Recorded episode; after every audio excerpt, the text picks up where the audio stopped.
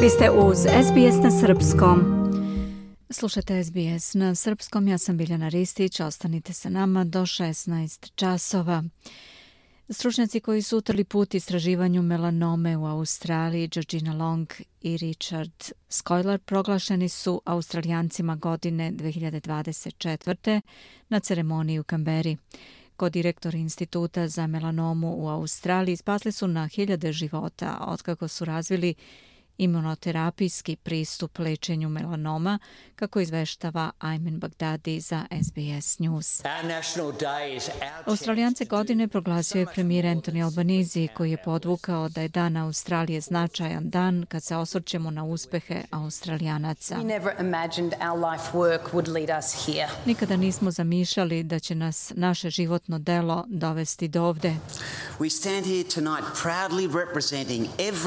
Stojimo ovde već večeras i ponosno predstavljamo svakog pacijenta koji se razbole od melanoma i njihove porodice, ali i one sa rakom mozga i svim vrstama raka.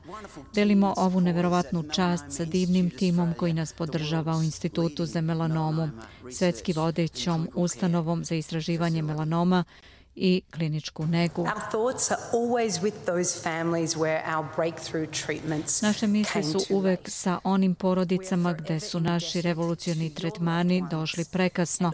Za uvek smo dužni vašim najmilima i svim našim pacijentima za njihovu nesebičnu posvećenost istraživanju, što je promenilo budućnost za druge, odnosno ozi prijateljstvo u svom najboljem izdanju. Australijska plivačica Emma McKeon proglašena je za mladu australijanku godine. McKeon je najuspešnija australijska olimpijka svih vremena, titula koju je osvojila pre svog 28. rođendana na letnjim olimpijskim igrama 2020. Emma je postala prva plivačica i druga žena u istoriji koja je osvojila sedam medalja na jednoj olimpijadi. Kaže da joj je čast što je dobila nagradu. Tako sam počastvona što sam dobila ovu nagradu, posebno kad pogledate kalibar i dostignuća drugih nominovanih u kategoriji mladih australijanaca. Prvo želim da čestitam svima večeras ono što radite. je neverovatno i inspirišete me da i ja nastavim da radim vredno. U seniorskoj kategoriji nagradu je ponela učiteljica, lingvista i lider u zajednici Jalmaj Junupinđu, a David Elliot je proglašen za australijskog lokalnog heroja za 2024.